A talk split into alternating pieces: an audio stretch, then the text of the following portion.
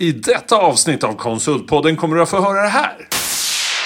Och då var jag, eh, då var jag VD på Perfect Day, som är ett, eh, eh, nu ett stort, eh, ett av de mest framgångsrika podcastföretagen. Och därav är det så roligt att vi gör din första podd. Det är roligt, för jag har ju varit där bakom. Om jag ska dra igenom sista då. Eh, fjärde, eh, kommunicera smartare. Ja, det här med kommunikation är liksom alltid skitsvårt. Ni vet ju, alla här, ledare i, i bolag,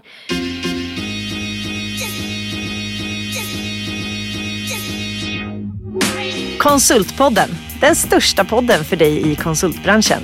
Med mig, Helena Torhage, Håkan Mild Svensson och Mattias Loxi. Bakom podden står Berotech och Synode. Vi rullar. Det rullar Håkan. Det rullar. Vad är det som rullar? Ja, det är en, en ny inspelning av Ja. Konsultpodden. Ja, Ja. vad härligt. Vi är ju till och med med oss fyra personer här i studion. Vi är totalt känns... fyra ja. Och tillbaka har vi Gregor Ja. från Sinode. Det är skönt. Nu har vi en riktig eh, host igen. Ja. Tack. Ja. Det tycker jag är toppen. Och sen har vi någonting som är otroligt stort. Vi har ju en person som ändå har jobbat med poddar men som poddpremiärar precis just nu. ja. Det är det vi säger. Det är på Konsultpodden det händer. Ja, det, är. Mm. det ska man aldrig glömma. Nej. Eh, vi har nämligen med oss Carolina Roslund. Hej! hej, Hej. jättekul att vara här. Tack. Så härligt. Ska vi, ska vi göra som så? Ni känner Gregor lite. Eh, Håkan, berätta någonting som har hänt sen sist. Nej, det är inte så mycket som har hänt. Det, det, ja, jag ska få vara med och vara ordförande på vår stämma i eftermiddag. Det, det har inte ens hänt. Det kommer hända ikväll. Ah. Det, är, det är väl det som dagens tema utom det här. Och Det du är då? bra. Gregor, har du något roligt i livet sen sist? Eh, ja, men köket är nästan klart hemma, så det är efter ett år. Eh, så det är kul. Just det. Eh. Och du har säkert något köksmärke man inte ska välja och sådär. Ja. ja, men och sen eh, har vi fått träffa massa kunder i Finland, här i Helsingfors, eh, för en vecka sedan ungefär fysiskt. Så det var också kul, som har hänt sen senast. Kul. Bra. Hej. Helena då? Ja, jag försöker tänka, vad kan det ha varit så mycket sen sist? Nej men, eh, vet du, jag vet inte. Det är roligt att det är tomtar hemma. Ja, och du är ju som en rockstjärna. Jag tycker du far runt hela tiden och nu på morgonen har du varit på ännu ett seminarium och hållit föredrag. Ja. Ja, det var... Det är- det är var ju nästan att vi får var ju- låna dig, Det var ju känns det faktiskt som. inte i mitt starkaste ämne, men ett ämne jag är intresserad av, som är social hållbarhet. Det är jag glad för att jag fick göra. Eh, Carolina, vad händer i ditt liv? Och vad gör du? Och vem är du? gör jag? Vem Alltså, jag, jag måste bara säga att jag, jag har också renoverat kök i ett år. Det är väldigt jobbigt. Men det blir fint när det är klart. Är du klar? då? Vi är klara eh, precis nu, så att, eh, det känns väldigt skönt. Kan det vara så att ni sa att vi måste bli klara till jul i alla fall? Det kan vi kan inte hålla så. på det, längre. Det är faktiskt inte helt omöjligt. Att Nej. jag måste säga det. Ja, men vad gör jag? jag är, eh, idag är jag eh, investerare, jag är affärsrådgivare eh, och, eh, och sen har jag varit VD eh, i ganska många bolag tidigare. Så idag är jag konsult, och, vilket är jättekul. Ja, det är väl där vi alla vill hamna till slut. Precis. Eller? Precis. Rätt lyssnare för det kanske. Ja, precis. Mm.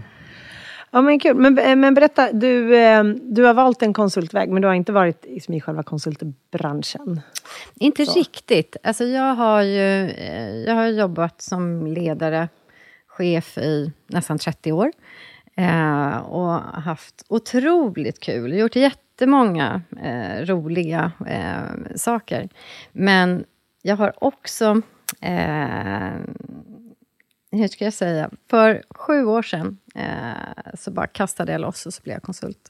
Och det, är, det måste jag säga, av alla utmaningar jag haft som ledare så har det varit det svåraste jag gjorde. Alla Nej, men, nu, kategorier. nu, du, du får inte vill man- skrämma sådana som ska Nej. bli konsulter nu. alltså, vad vad jo, var det men- du sa egentligen? Men det är, fast det var ju också det roligaste. Ja, det var det tack. roligaste. Vad var Men- det som var det svåra? Nej, men det svåra var ju att paketera mig själv. Alltså, det är Mm. svårt när man är generalist. Alltså, när man varit ledare, vad är man Mm. då? Man är ju ingen specialist. Vem, vem, vad, vad kan jag bidra med? Man ska hjälpa andra. Hur tusan då?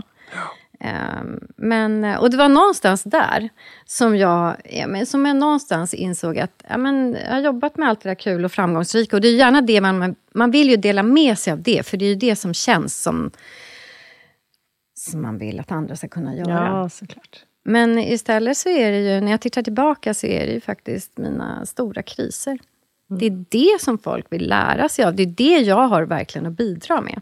Mm. Så jag har ju, ska jag säga förmånen att varit med i rätt så rejäla eh, kriser.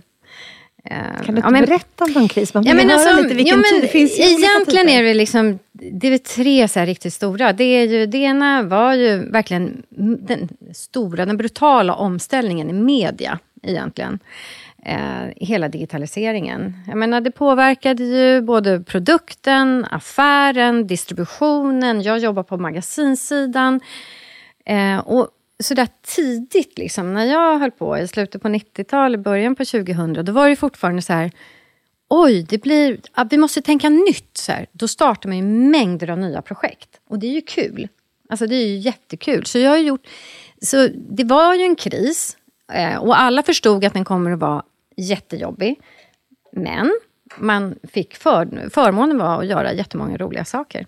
Så att jag höll på med, vi startade igång kändisbloggandet med Pernilla Wahlgren. Mm. Eh, och fick upp liksom, eh, besökarantalet på, på sajterna. Och det var liksom så här, precis i början, så här, oj kan man tjäna pengar digitalt? Det var jättekul. Ehm, så det var mycket så här, nybyggaranda någonstans i det. Den, eh, den andra stora krisen var ju, då, då krisade det på riktigt. Då var det ju annonsförsäljningen bara rasade. Eh, I, eh, vad var det, 2012. Eh, och det, då var jag på LRF Media, var förlagschef. Eh, hade jättemånga, stort ansvar, massa personer, var 350 pers. Eh, och eh, jag la ner, sålde magasin. Alltså, det var så mycket tråkigt så det var helt sinnessjukt. Du var personen som kommer om jobbiga Jag var beskeden. den där tråkiga personen som kommer om tråkiga beskeden. Men samtidigt så fick vi också, det var också en digitalisering. Vi, så att det var ju en, och det var en snabb omställning framförallt, eh, som hela mediebranschen drabbades av. Och det var ju jobbigt.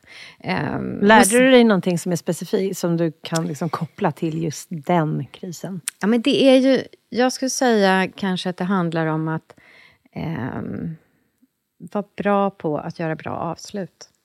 Mm. Alltså det är så himla viktigt. Att man gör bra avslut. Eh, för att vi lever i en, det är en liten vi dels är vi få här i Sverige, men alltid liten i, i, en bransch. Det är viktigt att det, blir, att det blir så bra avslut det går. Så att relationerna behålls. Så relationerna ja. behålls, för att de är väldigt viktiga. Um, ja, men den tredje, den har ju alla varit i den här stora pandemi mm. Hopplösa krisen. som, man liksom, aldrig tar slut, som eller? Som, ingen ja, vet som något ingen om. vet. Den var liksom hemlig och konstig och allt. Och då var jag, eh, då var jag VD på Perfect Day som är ett, ehm, eh, nu ett stort, eh, ett av de mest framgångsrika podcastföretagen. Och därav är det så roligt att vi gör din första podd. Ja, det är roligt, för jag har ju varit där bakom och precis mm. drivit det där, eh, du drivit haft, Du har ju inte haft tid med det nej, såklart, jag förstår. Nej, nej, precis så. Men, så det är väldigt kul. Det är jättekul att sitta bakom. Men det var ju förstås en, vi var ju ett, ett litet bolag som hade eh, jobbat med superentreprenörer eh, som, eh, som grundare. Eh, och, eh, och det var ju otroligt kul, men jättesvårt och jättejobbigt naturligtvis. Vi, vi, eh, och när pandemin kom, då fick vi likviditetskris, som väldigt många vad fick ni sa du? Ni fick identitetskris? Likviditets. Likviditetskris. Det blev liksom jobbigt med pengar. Ingen skulle marknadsföra sig. Allting bara stannade upp. Alltså verkligen mm. totalt. Eh, men sen tog det ett halvår, så vi klarade oss ju bra. Kom ur det eh, på ett väldigt bra sätt. Ni kunde få lite av det här stödet som... Nej, vi fick inga stöd. Nej. Nej. Ni klarade det ändå? Vi klarade mm. oss ändå. Ni då Håkan och Gregor, förutom pandemin, för den tror jag ingen slapp. Eh, har ni några kriser som har liksom präglat er eller utbildat er eller gett er insikter? Ja, hur lång tid har vi på oss? lång. Nej, men jag, det finns ju flera kriser. Det finns ju personliga familjekriser som gör att man med större och större ödmjukhet tar sig an saker. Och man lär sig väldigt mycket av det. Och sen i jobbet har det också hänt massa tillfällen när man man hade hybris ett tag och trodde man var oemotståndlig framgångsrik och sen insåg man att nej det var man inte. Och då, mm, det gör ju ont ett tag men det är väldigt mycket lärdomar i det varje gång det har skett. Så jag tycker nog att jag har lärt mig massor. Så att jag bejakar lite grann inte själva krisen, krisen, men den snabba efterföljden som kommer av det. Som du nu sa där Carolina, ja, vi börjar hitta på grejer. Vi gjorde massa specialpoddavsnitt. Alltså det innovativa som skapas i den här stressen tror jag. Och då försöker jag lära mig nu, varför gör vi inte det innan krisen kommer nästa gång? Vi behöver innovera hela tiden så att vi liksom är lite mer framåtlutade så vi inte tar så för givet. Det är en del av min lärdom tror jag. Du då Gregor? Ja, men, eh, vi har reflekterat lite grann, vi pratade om det på lunchen innan, men eh, förändring det ju- kan ju ge mycket nytt, kul och sådär. Men det innebär ju också att någonting gammalt behöver raseras eller förstöras. Och en kris blir ju att någonting kanske förstörs eller ändras väldigt fort. Så det skapar ju möjligheten också för det positiva. Så det tycker jag man ska ta med sig. Eh, Vi pratade lite grann om det också att kanske reflektera över sina kriser man har gått igenom och skriva ner vad man faktiskt har klarat av. Det. Så att man är, är lite mentalt förberedd på att det här kommer jag klara av. Det här Ja. också. Man ska ju faktiskt komma ihåg att det som är det bästa med kriser, det är att de går över. Alltså, de går ju alltid över. Det känns ju inte så när man är liksom mitt uppe i någonting. Och man kan ju bli så, man kan bli så fruktansvärt upptagen av det. Men, så här, men det går över. Alltså bara man tittar i samhället, det har varit finanskriser och bokkris, alltså fastighetskriser och allt vad det är. Eh, och nu är vi också på väg in liksom, i, i en sån. Men, men, men de går över. Men lyssnar man på er så känns det ändå ganska positivt. Du Mm. gillar kris, eller hur? Nej men alltså jag, eller jag tror så här, jag tror anledningen till att jag gillar, eller gillar kriser. Ja, det kanske är fel. Jag tror, jag tror så här, det är snarare så att jag, jag avskyr kriser. Så jag vill bara väldigt snabbt ta mig ur dem. Så att jag har liksom blivit bra på det.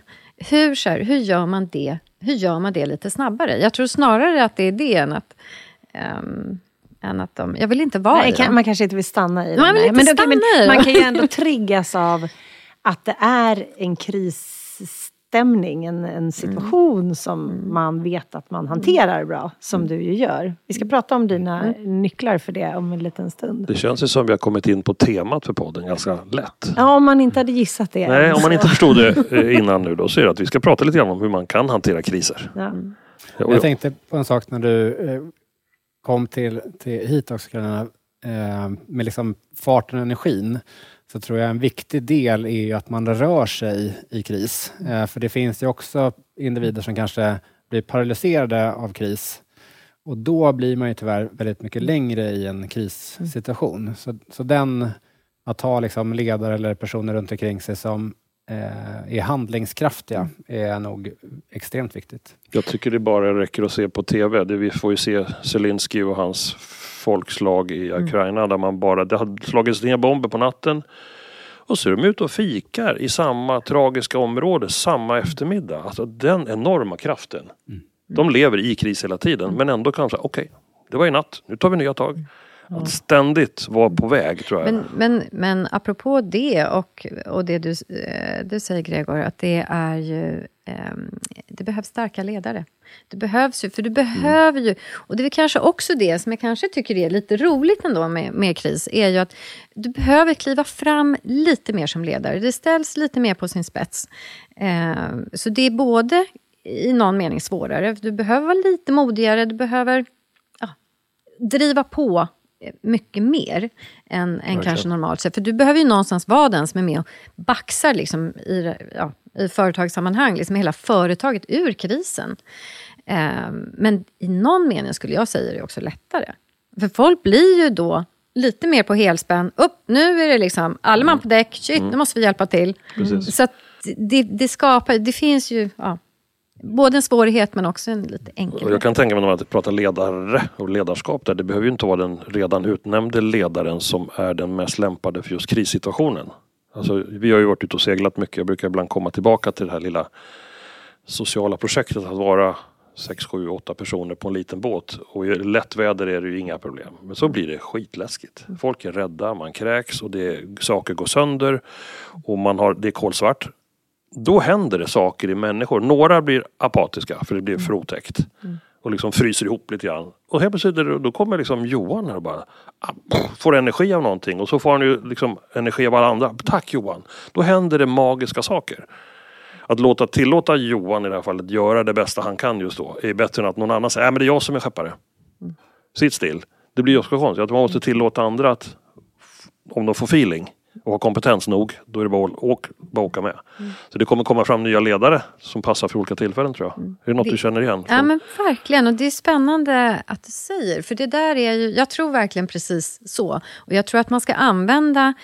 Det är väldigt lätt i, i krissituationer att ledningsgrupper de, de sätter sig på sin kammare tar in ett gäng konsulter och så liksom ska man hitta vägen ut. Eh, jag tror att eh, man behöver ju bjuda in hela organisationen, eller man behöver förstå hela sin organisation, vara där ute och gärna använda ambassadörer.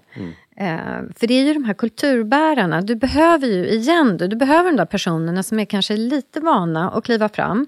Eh, och det måste inte vara cheferna eh, i organisationen. Utan det här är de som kanske är de informella ledarna eller som lite mer kulturbärare. Jag tror verkligen väldigt mycket på dem. Eh, och de behöver man kanske ta lite närmare sig. Se till att de blir mer vippade på information. Så att du också... För det är ju ofta en, ett problem, liksom. det är ju kommunikationen eh, eh, i krissituationer. Just det. Jag, jag tänkte på en sak också. I, I krisen så är det ju lätt att man bara ser så här, okej det här problemet har hänt eller så. Jag hade för, eh, förmånen att vara anställd på ett eh, väldigt stort försäkringsbolag. Men som 2008 gick igenom en jättekris. Eh, det har gjorts filmer om det. Eh, sådär. Men då gick vi från 145 000 anställda till 35 000 globalt. Men det som vi gjorde då eh, i den svenska organisationen var att vi eh, jag tror att det var tre gånger i veckan, samlades allihopa eh, i en ring eh, och sen fick man eh, ta topp tre positiva saker som hade hänt sen senaste mötet. Bara för att belysa och fokusera på någonting annat än bara problemet. Så då tittade vi på utvägen, det vill säga dit vi skulle istället. Det som var positivt som vi kunde förstärka. Det var också ett sätt att internt kommunicera positivt ur förändringen. Sen pratar vi med alla kunder mer än man någonsin hade gjort i bolagets historia för att hålla kvar dem och eh, liksom skapa lugn och sådär. Men Det är jättebra. Jag tror säkert Zelensky har en väldigt enkel bild på hur det skulle kunna bli. Och alla i hans folk fattar ju det. Så jag tror det är jättebra att ha en vision om vad man hur Ja. löser. Ja, annars vi ska- orkar varför man gör vi det här nu då? Men jag tänkte fråga dig som då kanske är proffset av oss. Eh, hur definierar vi ordet kris? Finns det något liksom, om man nu skulle googla upp det, vad, är, vad, vad står det för? Har, vi någon, har du någon idé? Bra fråga. Men- Eller jag, har inte, jag har inte googlat det. Nej, Men, men, vi lever i det just men nu. vi lever i det just nu. Alltså någonstans när, vi, när det rycks undan, när vi, lite, när vi upplever att mattan rycks undan. Mm. Eh, vi upplever att det blir skakigt. Eh, det är alltid svårt när det är på väg, när det är en lågkonjunktur på väg, när det både är privat Liksom, det påverkar mig privat. Det som händer i bolag är ju att man... Okej, nu, nu är vi på väg in i en, i en lågkonjunktur. Tufft ekonomiskt läge. Nu, man kanske ska börja lägga ner avdelningar, avyttra. Det kanske kommer in nya investerare. Folk blir av med jobbet. Alltså det bara rör sig så där obehagligt mycket. Och just i den här nu när vi har både elkris och, och eh, boräntor som skenar så är det klart att då är, ju- då är personer dessutom liksom jätterädda om sin privatekonomi. Och det är ju, det är ju skulle jag säga, det är jättetufft som ledare att vara i det. Eh, Verkligen. Det är någonstans när, när det stadiga, stabila Ja. håller på att rämna oavsett vad det är. ja. Eh, Det, var, det lät som den liksom klockrena ändå, tycker jag. Ja, absolut. Eh, beskrivningen av en kris. Men jag kan också känna att så fort man har vant sig vid det. Återigen till båten. Det börjar storma på natten och vi överlevde. Sen fortsätter det blåsa lika mycket fast det blir, mo- solen kommer fram. Ja men då har vi vant oss. Och det är väl därför de här som gör kaffe ute på den här elden utanför det trasiga huset i, i, i Kiev. Ja men man vänjer sig. Ja, det är klart att de, Så- det har ju så- snart gått ett år. Det är Ja, klart det är att helt- de precis. tycker att det är vardag. Vi tycker ju att det är vardag också att se krigsnyheter. Från. Jag, jag sa förut att jag bejakar kris, men jag, be, jag bejakar inte kris. Jag bejakar nog förändringsresan som man kanske- ändå måste befinna sig i. Som du säger Gregor, att alltid vara på resa någonstans. Det är kanske det som det väcker hos människorna i den. I sin liksom överlevnadsinstinkt på något sätt. även om det är ett precis. företag man ska få att överleva. Jo, men du behöver ju göra saker. Det tvingar ju, vi är ju lite lata som människor. Alltså vi är lite bekväma. Alltså det, vi faller ju in i det, i det naturliga mönstret hela tiden. Men en kris puttar ju till oss. Och vi måste skapa någonting. Så verkligen det du säger med förändring. Och det är sådär, det är ju inte så himla... Det är ju rätt så motvilligt från början, men, men man blir, men man fattar ju så här, ah, nu behöver vi göra någonting. Vare sig det är privat hemma, eller så här, det, är så här, det, det skapar ju actions. Och det gillar jag. Jag, jag tror också att våran, om, vi är ju konsulter då. Och vi jobbar i konsultpodden för våra konsulter. Jag tror att jag tror den yrkeskåren är ju lite mer förberedd. Kanske inte för krisen, men den ständiga förändringen. Vi byter uppdragsgivare jätteofta jämfört med någon som har varit anställd på ett statligt verk i 28 år innan de går i pension.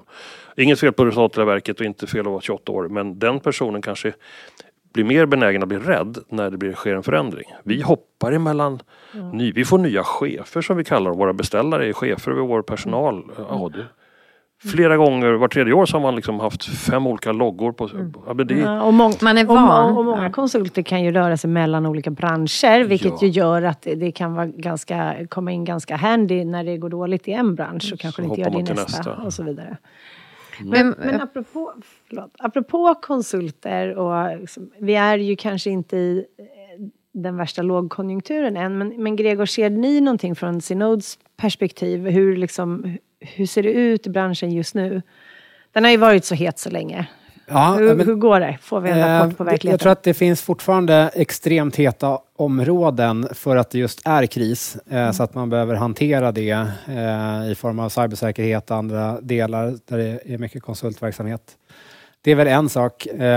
Sen tror att vi ändå är inne i digitaliseringen så djupt så att man måste driva vidare de här projekten som man redan har påbörjat. Så vi ser ju eh, hos våra kunder och i branschen att Eh, det är fortfarande en tillväxt, den kanske bromsar in lite grann. Eh, den offentliga sektorn spår man ju kommer öka ganska ordentligt nu framöver och det brukar ju vara lite så konjunkturstyrt också. Eh, så för de flesta ser det ganska bra ut, eh, men man behöver lära sig nya områden. Eh, det är fortsatt viktigt framåt, som, som Mattias har tagit upp i, i tidigare poddar också. Den här att kunskapens liksom värde, den, den blir kortare och kortare. Det kanske är en sån sak som man kan satsa på nu då. Och omskola sig eller utbilda sig till nya intressanta områden om det är lite lägre liksom beläggningsgrad. Men det, dit har vi inte riktigt kommit Nej, än. Inte än, inte än. Det ser fortfarande inte, bra ut. Vi kanske Ja. inte kommer dit alls då. Nej, Men- jag tror att man får hjälpa varandra och, och liksom se det positiva. Eh, För att det är inte någon som har stängt av strömbrytaren eh, på, på hela marknaden. Och så är det ju alltid i kriser. Det kanske dämpas lite grann. Men man måste vara medveten om att folk kommer fortfarande handla mat och åka till jobbet och göra de här alla saker. Så att samhället stannar ju inte för att det är någon som säger att det är kris. Men jag som är i det här fina sammanhanget nu av, av personer som är, ni kan allt om, om konsultbranschen. Jag som har varit köpare då i jätte, jättemånga år, eh, mest.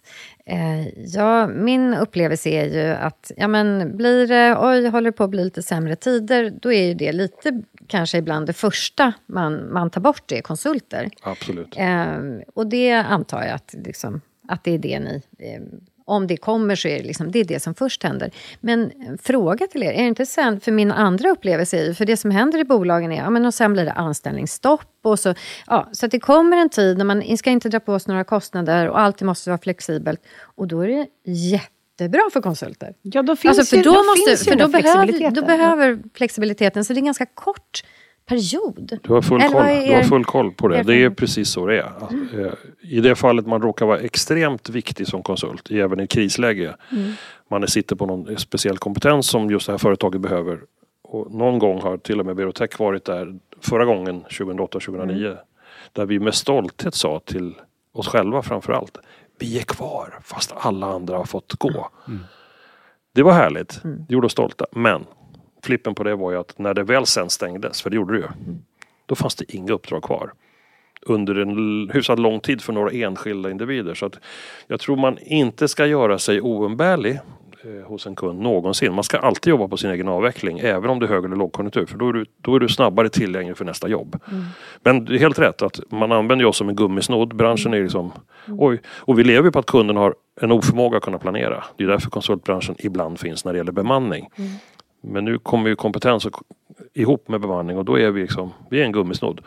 Eh, Så att eh, Och sen behövs ju konsulter jättemycket. Precis som jag sa, även om jag inte raljerade, raljerade men lite så att ledningsgruppen stänger in sig. Men jag har liksom varit där själv, men verkligen med konsulter och man ska försöka, ja, när det var lite en annan typ av kriser som inte är en lågkonjunktur utan som handlar om en total förändring av en bransch. Det är klart att där måste du ju, jag menar, faktiskt, du måste ju jobba med väldigt kloka personer och då tar du in den här specialistkompetensen utifrån. Det är ju kanske det viktigaste man gör. Precis. För att, ja, Får man backa tillbaka till det du berättade, din första kris var ju att du jobbade i mediebranschen och så Mm. kom digitaliseringen och det var liksom, man gick från linjär tv till något annat konstigt och printmedia ersätts med webb och så. Visst var det så? Ja. Eh, nu när du har varit med och lärt dig av det, vad, vad skulle ni ha gjort bättre innan det blev face fact liksom? Nej, men det är ju... Och jag ska inte säga, hade vi gjort det bättre? Jag tror att, att försöka klippa någonstans, eh, eller klippa, att, att våga satsa mer på det nya. Det är nästan alltid när man har tagit sig igenom, vet jag inte ens om mediebranschen har gjort det hela vägen, men, men Ehm, så, så förstår man någonstans att ja, men man skulle ha satsat ännu lite mer, givet det lite mer utrymme. För problemet är när det börjar gå sämre, du gör de här innovativa, väldigt spännande projekten, jag höll på med Magplus, som var liksom magasin på läsplatta. Den var med, liksom, Bonnier var allra längst fram. En väldigt, några 15 sekunder. Steve Jobs sa “This king of the hills”, sa han om den lilla appen. Eh, Popular Science var det då, som var på iPaden när den lanserades 2010. Det var, ju liksom, det var jättestort, man var verkligen där längst fram. Men att hålla i den utvecklingen, det är så fruktansvärt svårt och naturligtvis kostsamt. Så det är inte så himla lätt, alltså hur du både ska driva någon form av innovation eller i alla fall affärsutveckling och samtidigt hantera att intäkterna börjar försvinna. Eh, och Ja, det den är här, svår. Den är den svår. är ju väldigt, väldigt svår. Men vi vet nästan i varje fall det har skett så borde vi ha gjort det. Mm. Så borde vi ha gjort det. Utan Det det kortsiktiga tänket det. tar alltid Ja. över eh, Ja. igen. Ja. Eh, Men en- en fråga då, med Bonnier då, Mm, eh, tidigt 2000 eller innan. Hur skulle du säga att det var, hur såg organisationen ut? För min bild om jag tittar tillbaka på kunder som jag hade då, så var det ju liksom extrema silos. De hade hand om sin lilla låda och så hade någon annan hand om Mm. sin lilla låda. Så samverkan däremellan var ju obefintlig egentligen.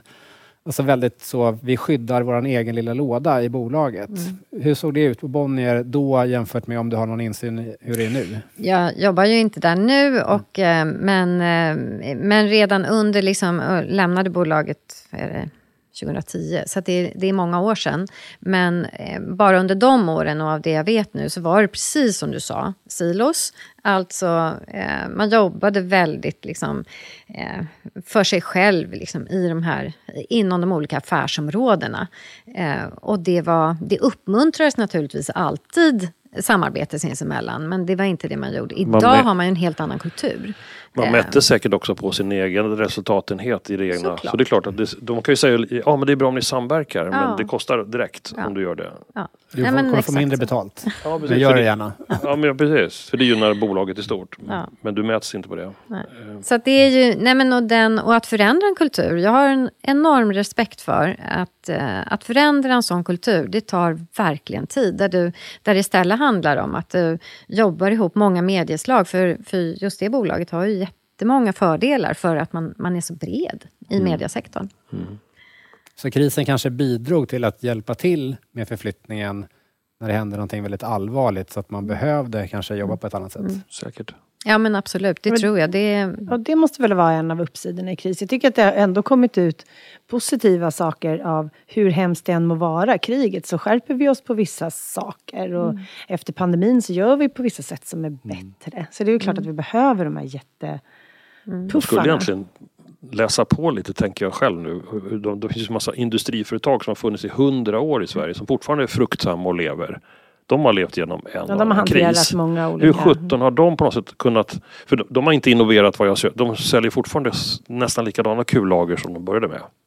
men jag tror att de Eller använder samma- säkert andra maskiner för att ta, Ja. ta fram dem. Alltså, så Men jag deras tror core att, business är fortfarande lager. Okej, säger vi om vi får prata om SKF. Liksom. De har gjort rätt bra grejer om man ändå klarat det här.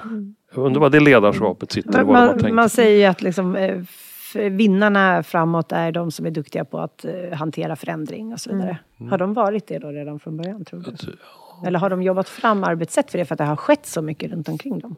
Så Eller att de var, nu är- eller var det bara att hela Europa skulle byggas upp efter ett krig, mm. två världskrig och sen så var det liksom ganska okej under ett 30-tal år. Jag, är ingen, jag kan, jag ska försöka läsa på. Men, eh, Jag tror vi- vissa delar handlar väl om att eh, deras marknad är en extremt trögrörlig del. Så det är höga etableringströsklar och så vidare. så kan det vara. Eh, om, man, om man tar andra bitar som rör sig fortare nu så kanske det kan vara någon som liksom kommer in och chockar hela branschen med någonting nytt eller sånt. Så det, vi ser ju, eh, ja, men många jättebolag nu idag har inte funnits särskilt länge. Nej, Eh, och de har ju förändrat hela marknaden. de har ju skapat paradigmen. Ja. Men vilka är förlorarna och vilka är vinnarna i en kris generellt sett? Vad tror ni? Det beror, jag skulle säga att det beror ju väldigt mycket på vilken... Alltså vad, för vissa, det är alltid så att det finns några, några vinnare i kriser. Eh, det finns alltid några som jobbar med... När titta under pandemin, det var ju naturligtvis några som jobbade med, eh, erhöll sjukvårdsutrustning och eh, tog fram alla dessa vaccin och så vidare. och Så vidare. Så att vi vet ju att det är liksom, även i de här värsta stora kriserna så finns det ju alltid eh, några vinnare. Men jag, jag skulle nog ändå säga, är vi inte alla lite vinnare efteråt på något vis? Alltså vi, vi tar oss igenom och vi lär oss, vad- både som liksom enskilda individer och ibland i hela mänskligheten. Ja, det är Jag vill bra. säga, vi tar oss verkligen vi tar oss igenom det och vi har nya erfarenheter. Jag tror fler behöver höra det där. Eh, Alltså, våra barn, mina barn är 23 och 27. De har aldrig varit med om någon kris. De var knappt födda när det var 28, 29. Men det var liksom rätt långt bort från, vi höll inte på med ekonomi. Så vi pratade inte om sånt hemma. Nu är det kris. I deras ögon är det tufft. Det är otroligt osäkert. Räntorna skenar och de är ensamma i någon lägenhet. Turligt nog har de en lägenhet men måste jag flytta nu eller måste jag flytta nu? Alltså, de behöver Ja, men det höra väl- det här det att det, det kommer inte gå över men det kommer bli tillräckligt bra.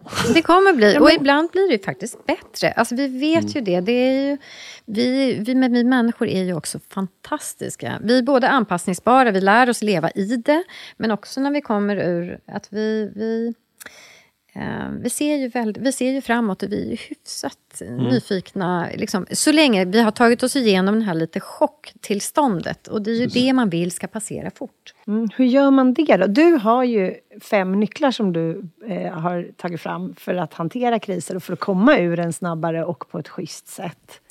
Det var, ja men absolut. Eh, det var ju en... Eh, jag har ju tittat tillbaka på, eh, som jag beskrev då, de här stora kriserna jag varit igenom. Och, det är det jag också känner att jag verkligen kan bidra med. Och när jag ska försöka summera och försöka hjälpa andra ledare ja, men så här, och, och ledningsgrupper, så här, hur, tar man sig, hur tar man sig igenom en, en, en kris? Så först, och det var väldigt roligt för det sa, var egentligen vad det du sa innan, men så här, bekräfta det jobbiga men gör det jäkligt snabbt. Alltså se till att någonstans, gör de här avsluten, var väldigt transparent hela tiden, alltså gå in i, eh, ha gärna möten varje dag.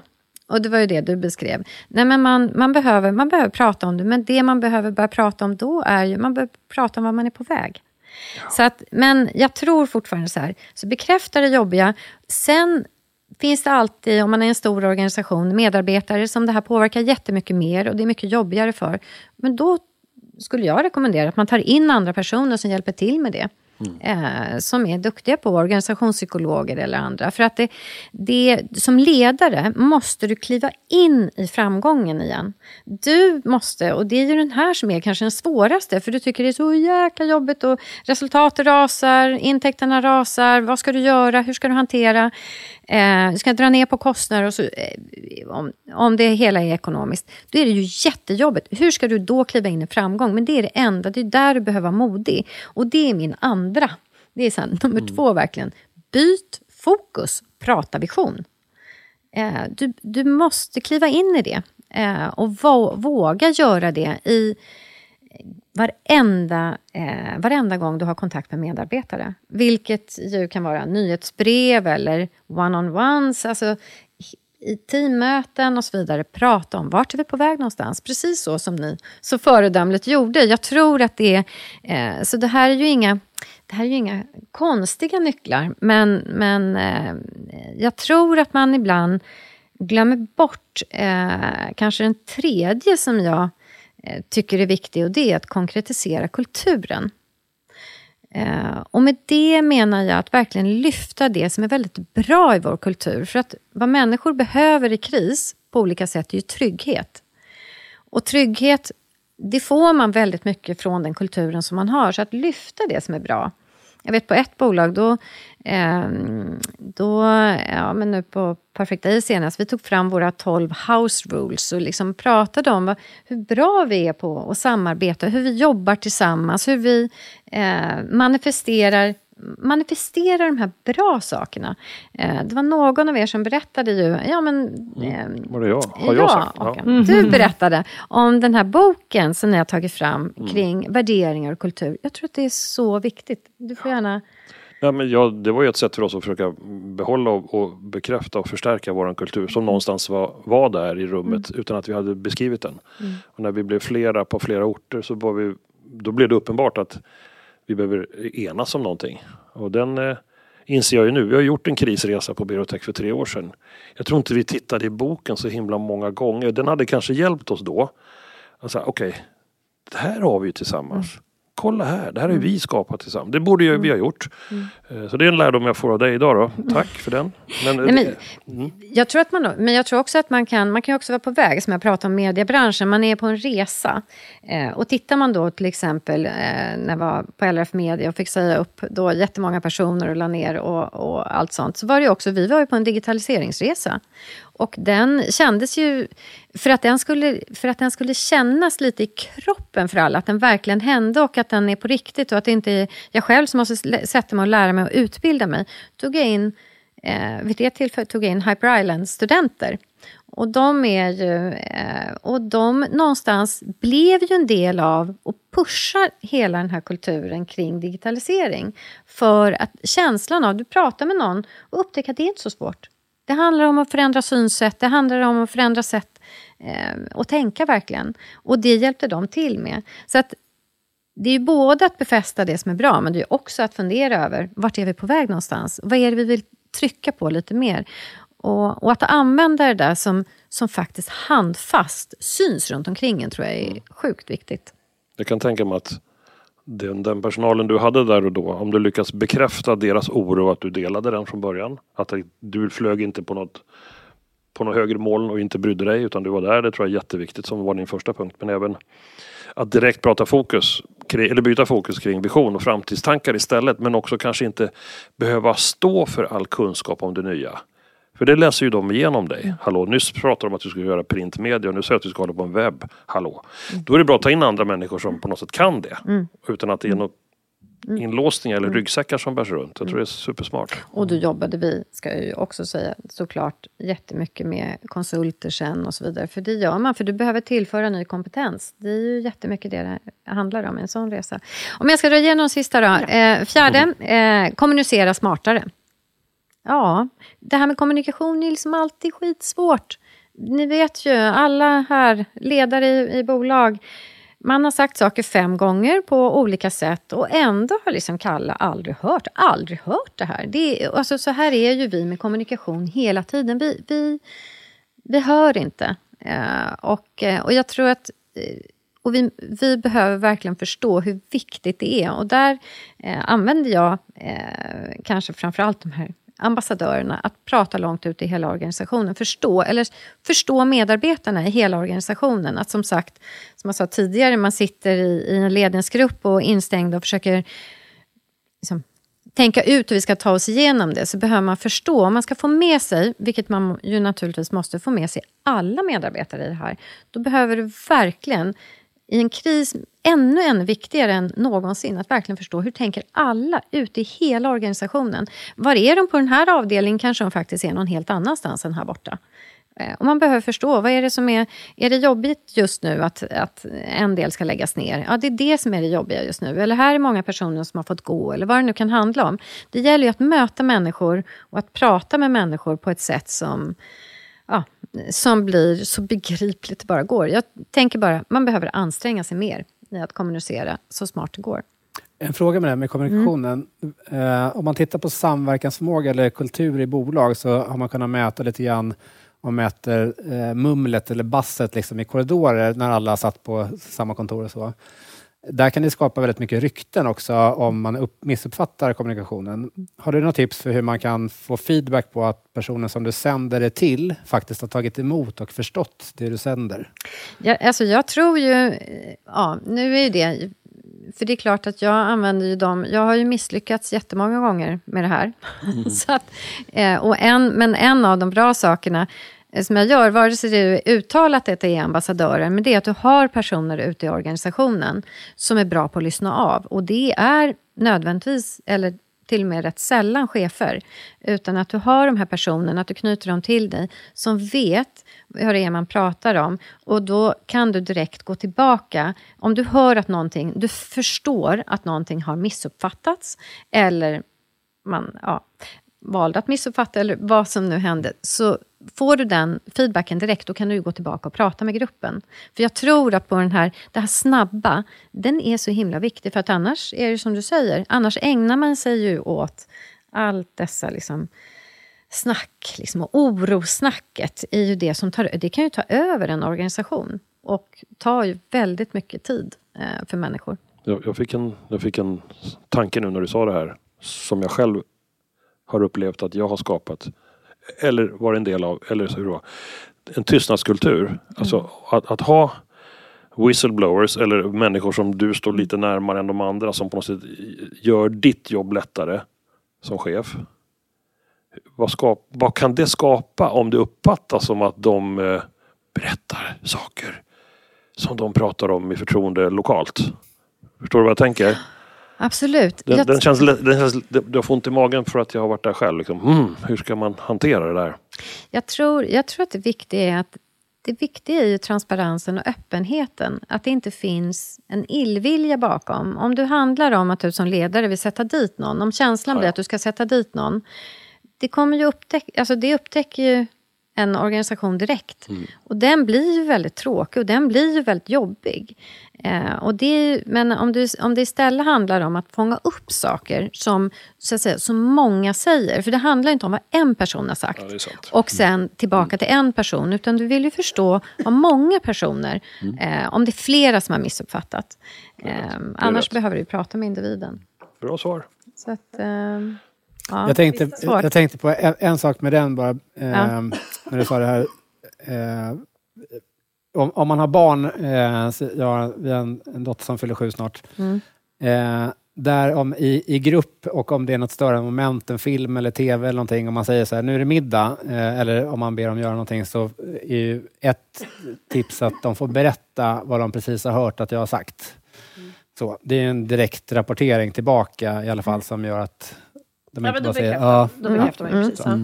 ja, det brukar vara bra. Det brukar misslyckas ganska ofta. Just med barnen. Ja. De här tipsen du berättar om är ju... Förlåt. Jag vill bara Ja. att Caroline ska få berätta sitt femte. Ja, men, jag ska, men titta, Gud vad, Ja. tack för att du håller räkningen. Ja. Vad bra du är. Mm. Eh, nej, men det femte, eh, fokusera på individens utveckling. Alltså verkligen, så här, det är människor som bygger bolag. Eh, och eh, det är människor som växer bolag. Och vi måste förstå att det är människorna det handlar om hela tiden. Eh, vi, eh, och det är därför vi behöver ta hand om människorna extra mycket när det är kris. Det är därför som, eh, som jag pratar om allt det här. Jag skulle kunna prata om förstärk säljorganisationen, gör, alltså, jo. tusen sådana saker. Men det där vet ju alla i bolagen. Men de här är de saker som jag, jag upplever att jag har glömt bort liksom från tid till annan och som jag ser tillbaka. att så här, och du behöver, jag vet att det är, man har inte tid att ha de här jättelånga utvecklingssamtalen precis då, för nu är det ju kris och vi har så himla mycket att göra och så vidare. Men det är precis då som du behöver ta, det räcker ju med fem minuter och jag sitter ner och pratar med dig och säger, okej, eh, vad innebär det här för dig? Vad kommer det här att innebära? De här förändringarna som sker just nu, hur kan det här vara positivt för dig? För din utveckling, jag menar, man kan ju också vända någonting som är rätt negativt. Du har fått mer arbetsuppgifter, tycker kanske livet är jävligt jobbigt just nu. Så är ju det istället kanske någonting som man kan tänka att det är eh, att det här kan vara någonting positivt Perfekt. eh, och utvecklande. Otroligt bra. Får jag bara, jag, jag hade ju en grej att säga. Ja, ja, absolut. Eh, Nu pratar vi som bolagsnivå, vi pratar om Mm. krig och stora, stora eländen och stora kriser. Men jag tänker för de som lyssnar, det kan ju vara en gäng, ett gäng som sitter i ett projekt. Där det är kris. Mm. Kunden är missnöjd eller vi håller inte våra tidplan eller det vi hade tänkt ut bara inte funkar. Jag tycker att de här små, enk, de är enkla, Mm. lättförståeliga tips funkar exakt här med. Om någon i projektgruppen känner att vi håller på att gå åt fel håll. Mm, jag, jag känner samma som du, säger projektledaren. Men vi ska ju hit. Exakt. Alltså, det här går att använda även i vår vanliga konsultvardag utan att det behöver vara en livskris för ett stort företag, tänker jag. Ja, men jätte, jätteklokt, tack säger jag. Eh, för att ehm, eh, ja, men det, tror, det tror jag ju också. Mm. Eh, det är ju, vi har ju flera här nu har ju applicerat både på livet och i det lilla bolaget, i det stora bolaget, på individerna. Och det är ju eh, hyfsat allmängiltiga, men jag tror bara att man behöver tänka. Det är så här, i som Ta sig tiden att tänka. Då. Ta sig tiden att tänka. Ja, Och till och med kanske jobba med de här även när det inte är kris. Ja, men kris. vi ska avsluta. Jag tänker Ja. så här, finns det någonting, jag har lyssnat på Carolina och har resonerat och vi har haft en stund för reflektion. Finns det någonting man kan skicka med till som ledare på konsultbolagen? Någonting de ska göra nu innan det blir kris? Har vi något tips att dela med oss av? Eller är det kanske att tänka igenom de här fem nycklarna? Eller får ni några... Jag var med om en personlig kris eh, när pandemin kom och, och liksom förlorade jobbet. Så. Men, och sen har jag kommunicerat med tidigare kollegor i bolag som gick extremt stärkta ur, ur, efter pandemin. Och det var ju de konsultbolagen, om vi pratar just nu den branschen, som fokuserade extremt mycket på sina anställda. Vad de skapade då var en liksom superambassadörer bland alla anställda som efteråt nu har kunnat bara skörda in det. eh, alla de bästa rekryteringarna som finns på marknaden.